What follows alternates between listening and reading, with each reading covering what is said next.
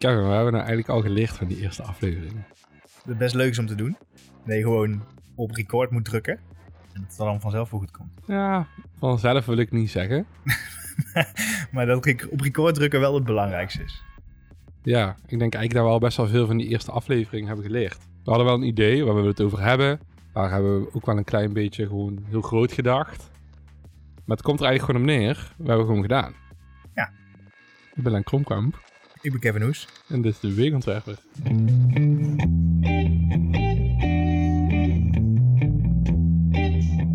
Den, hoe, eh, hoe is het ermee, jongen? Ja, het gaat al goed. Kun je iets vertellen over waar we ons bevinden? Ja, wij zijn weer op uh, de Fonta Sporthogeschool. Wij zijn weer op de Wij sporthogeschool. zijn weer op de Sporthogeschool, ja. Onwerkelijk, hè? Als je dan hier na zo'n lange tijd terugkomt. Het is wel gek. Maar het is wel lekker gek.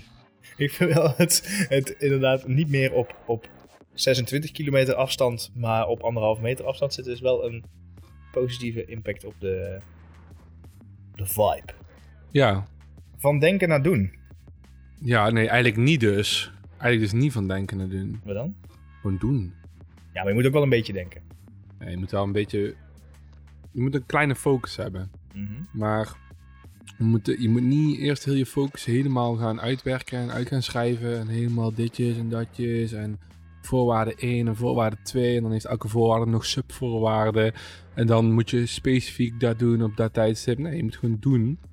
En gaandeweg gewoon bijstellen. Maar waarom hebben we het hier over? Do- Doen mensen te weinig dan? Ik denk dat heel veel mensen denken dat ze eh, goed bezig zijn of goed doen door simpelweg over bepaalde dingen heel veel na te denken en te lezen. En sommige dingen zijn, passen nou eenmaal niet binnen drie boeken of binnen vijf artikels of tussen één podcast.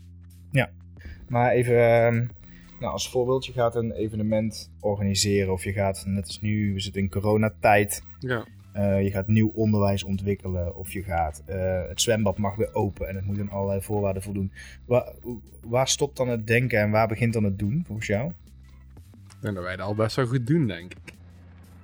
Door gewoon een podcast op te gaan nemen. En dan zien we daarna wel of het werkt. Dus het is, eigenlijk, het is een klein beetje investeren, hè? een beetje risico nemen. Ja. Niet helemaal in het veilige segment zitten, maar gewoon denken, eh, ja, eh, ehm, we gaan het maar gewoon doen. We Ja. zien wel hoe mensen reageren. We wachten af eh, wat ze ervan vinden, wat ze eraan fijn vinden, wat we zelf eraan fijn vinden. Daarom dat we ook nu anderhalve meter tegenover elkaar zitten, in plaats van digitaal. En die informatie gaan we meenemen weer naar de volgende aflevering. En ik denk dat eigenlijk de manier hoe wij podcasten, dat is eigenlijk wel een beetje hoe je heel veel dingen gewoon aan kunt pakken. Gewoon doen. Je hebt een idee waar je wil beginnen, een idee waar je het over wil hebben. We hebben vandaag ook een idee waar we het over wil hebben. En dan zien we wel weer.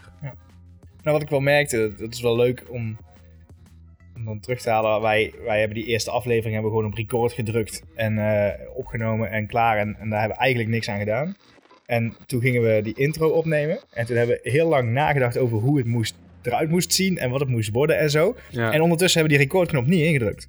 Misschien zijn wij wel twee keer zo lang, misschien wel drie keer zo lang bezig geweest met het opnemen van de eerste tien tellen van die podcast. ja. dan met heel die aflevering bij elkaar. Omdat wij, denk ik, gewoon wel echt na hebben gedacht voordat we gingen doen. ja. Maar het grappige is, die intro hebben we uiteindelijk een stuk gepakt wat ontstaan is. Ja. Want we hadden helemaal bedacht eh, waar, we, waar we aan bod wouden laten komen in die intro. En uiteindelijk is het gewoon eh, is het eigenlijk het, het, grappigste gedeelte waar gewoon organisch ontstaan is. Dat is, dat is het geworden. En dat is gewoon een lekker compacte intro geweest. Maar waarom denk je dan dat mensen, als het, als we, als we het doen, hè, als dat zo goed werkt en als je dan als je daarmee lekker snel resultaat kunt bereiken en zo, waarom doen mensen het dan te weinig? Waarom schieten we in die, in die nadenkstand en waarom blijven we daar dan zo in hangen? Onderwijs. We zijn, we zijn aangeleerd om eerst na te denken. Mhm. Dat is niet per se slecht. Sommige dingen kan het goed zijn. Maar ik denk dat mensen gewoon vanaf het begin af aan gewoon weten dat ze eerst, je moet eerst dingen gaan inlezen of onderzoek voor doen. En dan ga je pas doen. Want als je eerst gaat doen, wat is daar? Wat is het risico? Mislukking. Mhm. En dat mensen gewoon heel bang zijn dat het mislukt. Dat denk ik ook. Ik denk dat de risico's, eh, investeer ik mijn tijd wel nuttig, eh, kost het niet te veel geld en zo. Ik denk, nou, het is niet helemaal waar. Ik denk dat we eigenlijk heel veel doen door gewoon te doen. Bijvoorbeeld, stel, ehm, nou ja, ik ben eh, twee jaar terug begonnen met drummen. Ja, weet ik van tevoren of dat gaat lukken? Nee. Kan ik het nou al supergoed? Daar zijn de meningen over verdeeld. Ehm, maar ik heb het wel gewoon gedaan. En dat is eigenlijk misschien ook wel hetzelfde bij jou. Eh, je speelt basgitaar. Waarom ben je gaan basgitaren? Ja, omdat ik dat leuk vond en dat wilde uitproberen. Ja, maar wist je van tevoren dat je dat leuk zou vinden? Nee. Nou, jawel, jawel. Ja, dat wist ik wel van tevoren. Maar dit is nou een voorbeeld. Hier hangt niks aan vast, hè. Als je niet leuk vindt, de echt hef- heftigste investering die je hebt gedaan is een drumstel wat je koopt of, of een paar lessen die je hebt genomen wat, wat niks is. En dat is eigenlijk peanuts. Maar als je even in de grote mensenwereld kijkt, dan hangen daar projecten met gigantische budgetten aan vast. En zo'n projectleider die jou een opdracht geeft, die wil gewoon van tevoren zeker weten wat hij voor die investering krijgt. Kun je daar van tevoren weten? Nou, tot op zekere hoogte misschien wel, maar ergens stopt, dat, stopt die zekerheid die je kunt hebben. En dan wordt dat soort schijnzekerheid. En dan blijven we wel die, in die denkmodus zitten tot we het hebben uitgedacht voor onszelf. Maar ik denk dat dat wel het moment is waarop we het gewoon moeten gaan doen. Ja. Want ergens krijg je die, die, dat laatste stuk zekerheid. Dat krijg je alleen maar door het te doen en door het uit te proberen en door het vast te pakken. En door, door ernaar te kijken met z'n allen en te zeggen van ja, dit hebben we nu gedaan en dit vinden we echt supergoed, dus wat we zoeken. Of dit vinden we heel lelijk. Of, Zou het niet gewoon kunnen zijn dat er zo grote budgetten aan hangen, omdat het altijd op de klassieke manier wordt gedaan, waardoor er zoveel geld nodig is om het goed te doen? nou, misschien ook wel. Waar als je het gewoon in de 10% daarvan pakt en dan daarmee gaat doen, dat je die investering klein maakt. Kun je het tien keer opnieuw doen. Noem mij één bouwproject wat niet aan het eind veel meer gekost heeft dan dat oorspronkelijk bedacht was. Lego. Nee, dat telt niet. Daar hebben we het al over Nou ja, je wil ook wel altijd meer Lego hebben, dus dat is, dat Nee, maar ieder, eh, heel veel projecten lopen, en zeker in de bouw zie je dat gewoon, dat het, eh, het wordt begroot voor een bepaald bedrag, maar het valt altijd duurder uit, omdat je altijd iets tegenkomt. Je moet van tevoren een begroting maken die aantrekkelijk genoeg is om voor te kiezen. Ja. Want je hebt ook gewoon concurrentie, dus je zegt, nou, ik ga het voor dit bedrag doen, maar je Ja. merkt gewoon gaandeweg de rit dat je daar niet voor gaat redden. Ja, En wat we dan niet doen, is ermee kappen. Nee, dan houden we vast, want we hebben al zoveel geïnvesteerd.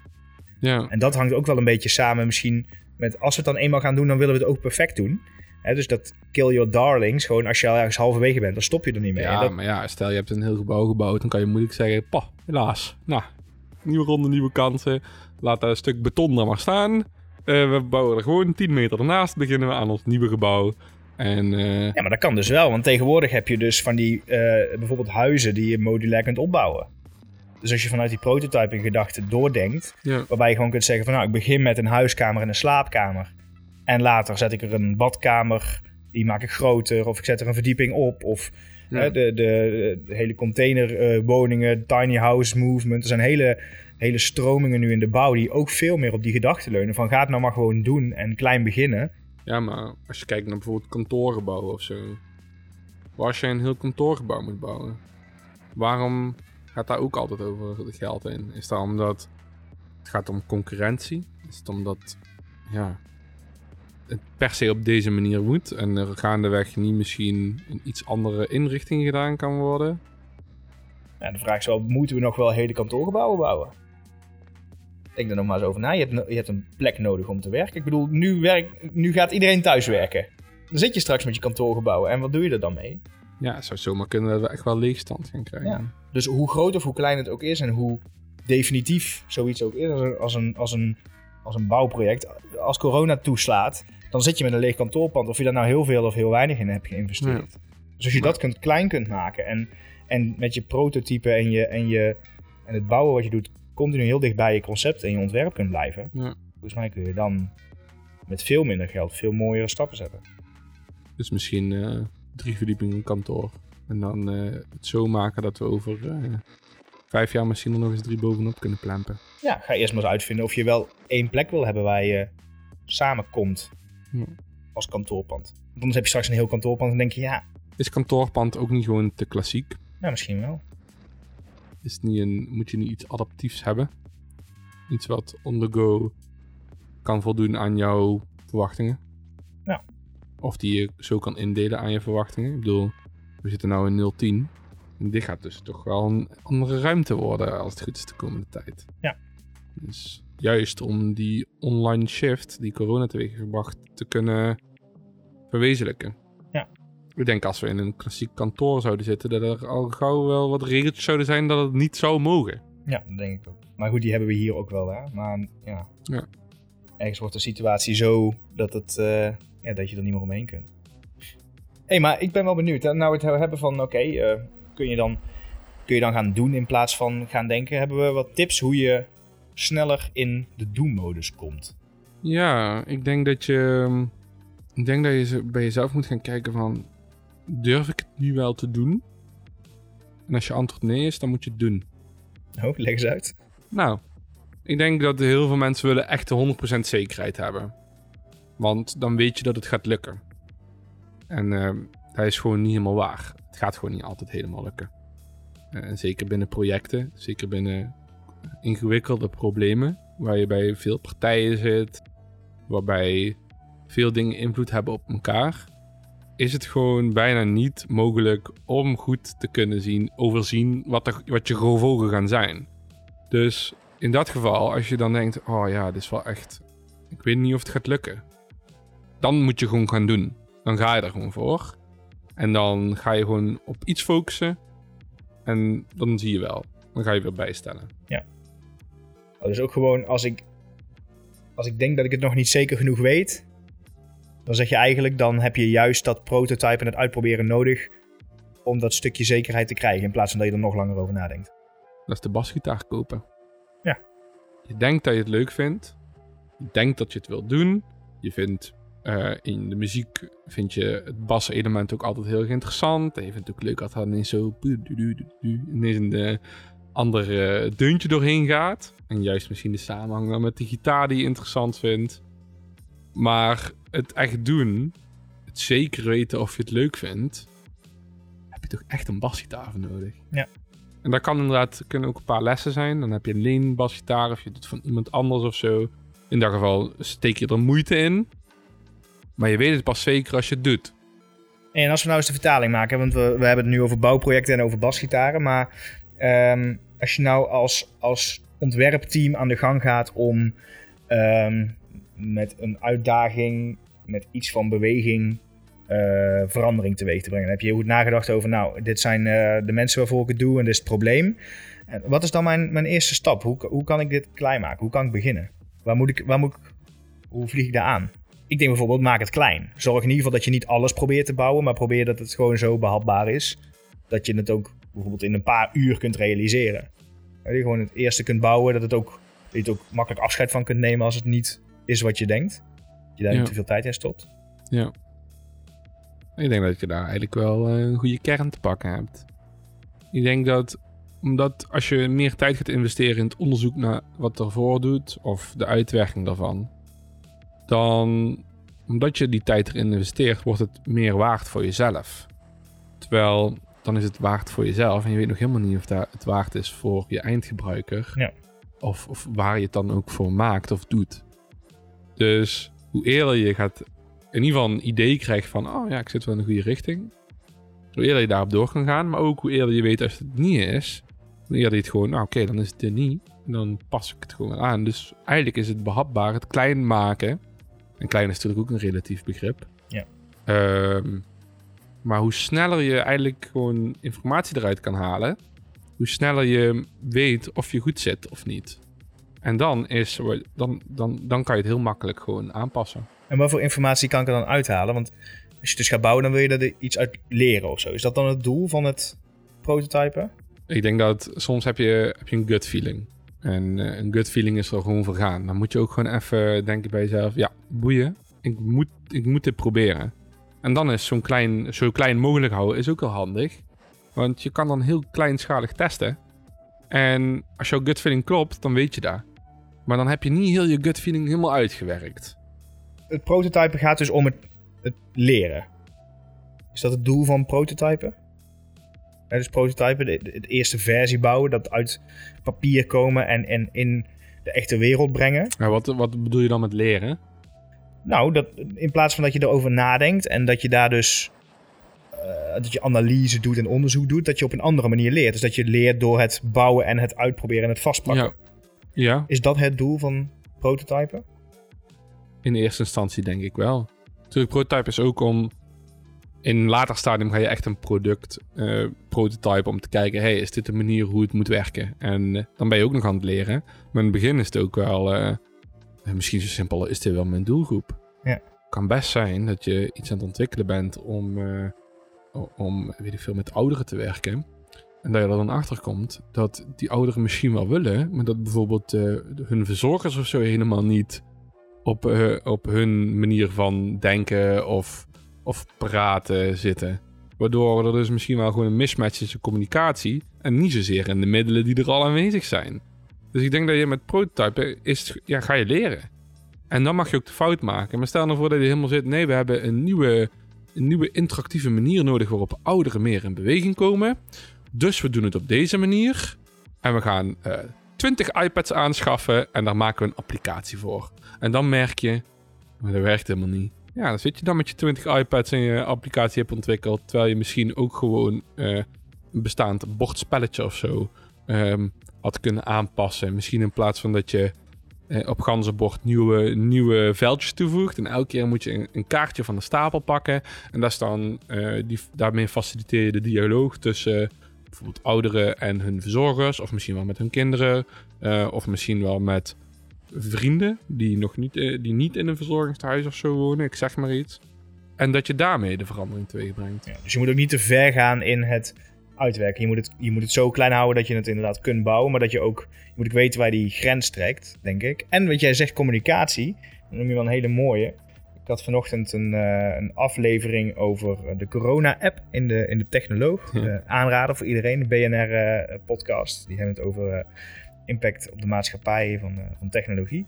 En die vertelde over de Appathon. Die is in april eh, ge- gelanceerd. Ik weet niet of je daar iets van eh, had meegekregen. Maar dat Ja. is eigenlijk de corona-app waar ze het al een hele tijd over hebben. Of de luisteraars misschien hadden tegen die tijd. En ehm, daar was eigenlijk de vraag van hoe kunnen we met digitale middelen het contactonderzoek ondersteunen. En hoe kunnen wij ervoor zorgen dat technologie helpt. En dat werd door de media vertaald in er moet een corona-app komen. En dan merk je dat de uitvraag die gedaan wordt en het prototype wat ze eigenlijk wilden hebben, dat was heel open. Het was echt van denk na hoe technologie Ja. kan bijdragen. Terwijl de communicatie daaromheen was eigenlijk belabberd. Ja. Want iedereen verwachtte dat er een app zou komen. En zo werd het ook geprofileerd, zo werd het gebracht. En Ja. iedereen dacht gewoon, nou, vrijdagavond komt die aanvraag en maandag hebben we een app. En daar, dat is uiteindelijk helemaal stuk gelopen, want we hebben tegenwoordig nog steeds geen app. Nee. Ehm, en terwijl de vraag was helemaal niet, bouw een app. De vraag Nee. was, hoe kan technologie ons helpen en welke oplossingen hebben we? Dus zo snel, ik denk dat het ook heel belangrijk is dat je goed communiceert. Wat is het doel van dit prototype en wat wil ik hiermee bereiken? Eh, want het heeft ook gewoon met verwachtingen te maken. En ik denk dat eh, in het verlengde daarvan, ehm, wanneer weet je wanneer je zeg maar de stap moet gaan zetten om een bepaalde richting in te gaan. Ehm, en dan weet je eigenlijk pas als je genoeg informatie daarover hebt. En op de een of andere manier dachten wij de informatie te hebben van, en dat is, dat ook niet raar in, deze samenleving. Hè? Eh, corona, iedereen zit thuis, de communicatie gaat grotendeels digitaal. Eh, WhatsApp, Facebook, al dat soort dingen. Dus ja, hoe zou je dat doen? Ja, natuurlijk met een app. Maar dat is gewoon hoe wij misschien inmiddels ook geprimed zijn. Ook omdat de overheid ook wel heel vaak heeft over... ja, we gaan een site eh, maken of we gaan een, een app daarvoor maken. Dus het is eigenlijk wat we, hoe we de overheid kennen... zouden we dat misschien wel verwachten. En dan blijkt dat dat eigenlijk helemaal niet het vraagstuk is. Ja. Dus wanneer ga, je, wanneer, wanneer ga je voor iets? Ja, het is duidelijk dat omdat we dachten dat het zo was... betekent nog niet per se dat het zo is. In dat geval in plaats van er helemaal over na te denken, ehm, kun je ook heel snel een app schetsen en dat testen. En dan zou je er misschien ook wel achter komen. En als het dan werkt, dan weet je het. Dan is het inderdaad, oh ja, een app zou wel kunnen werken. Eh, en maar dan kun je ook werken. Nou, toch niet. Dus zorg ook dat je prototypes antwoord blijven geven op de vraag die je gesteld hebt. En niet dat je iets gaat maken en denkt, oh, dit is wel gaaf. En daarop doorbouwt en doorbouwt. Dat je uiteindelijk iets heel anders maakt dan waar je eigenlijk oorspronkelijk aan begonnen was. Ja, en smijt er in het begin ook niet te veel geld tegenaan. Nee. Want mensen zeggen wel, ja, we moeten een app maken. Dus dan denken ze al snel, we moeten programmeurs hebben. Nee. Pak, een, eh, pak wel A4'tjes en ga die apps tekenen. Als je het toch digitaal wil doen, pak je PowerPoint en eh, Ja. animeer je wat slides. Dan kun je dan een hele hoop in. PowerPoint, kunnen we daar een app in maken? Nou ja, ja. Er is, een, er is wel een leuk YouTube, eh, YouTube filmpje van een, eh, een Amerikaanse scholier. En die heeft dus inderdaad geprogrammeerd in PowerPoint. En het gaat natuurlijk volledig voorbij de scope van waar PowerPoint verdient. Maar het kan Dat dus kan wel. Ja. Mooi. Ja. Laatste, laatste tip. Begin gewoon. Begin gewoon. Ja, ik, ik denk dat dat wel echt... Ga er niet te lang over nadenken. En inderdaad, wat jij zegt... Maar eh, zit je te lang na te denken of zo? Durf gewoon eens die keuze te maken. Ook als je pas een week bezig bent. Al is het je eerste dag, al heb je één stakeholder gesproken. Ga gewoon eens iets schetsen. Ga gewoon eens denken... Oh, ik heb één iemand gesproken over dit probleem. Volgens mij heeft hij dit nodig. Teken het eens en, en stop dat in een doosje. En, en stop continu die dingen in, in, in dat doosje erbij. En, en vind daar iets van. In plaats van dat je het in je hoofd probeert steeds recht te breien. En denk ook als je als feedback krijgt misschien wel... Ja, maar dat gaat te veel geld kosten. Of nee, dat kunnen wij niet maken. Waar als het wel kon. Maar als we nou wel gewoon dat geld hebben... Laat eens even al die dingen waardoor het niet zou kunnen... Dat ga je gewoon even vergeten. Want voor hetzelfde geld komt er wel iets uit... waar misschien toch best wel makkelijk te doen is. Dat omdenken, dat creatief denken, dat is ook wel erg een leuk thema waar we een keer bij stil moeten staan. Hey Len, dankjewel. Ja, jij ook. Tot eh, volgende week. Ja, tot volgende week. Dag.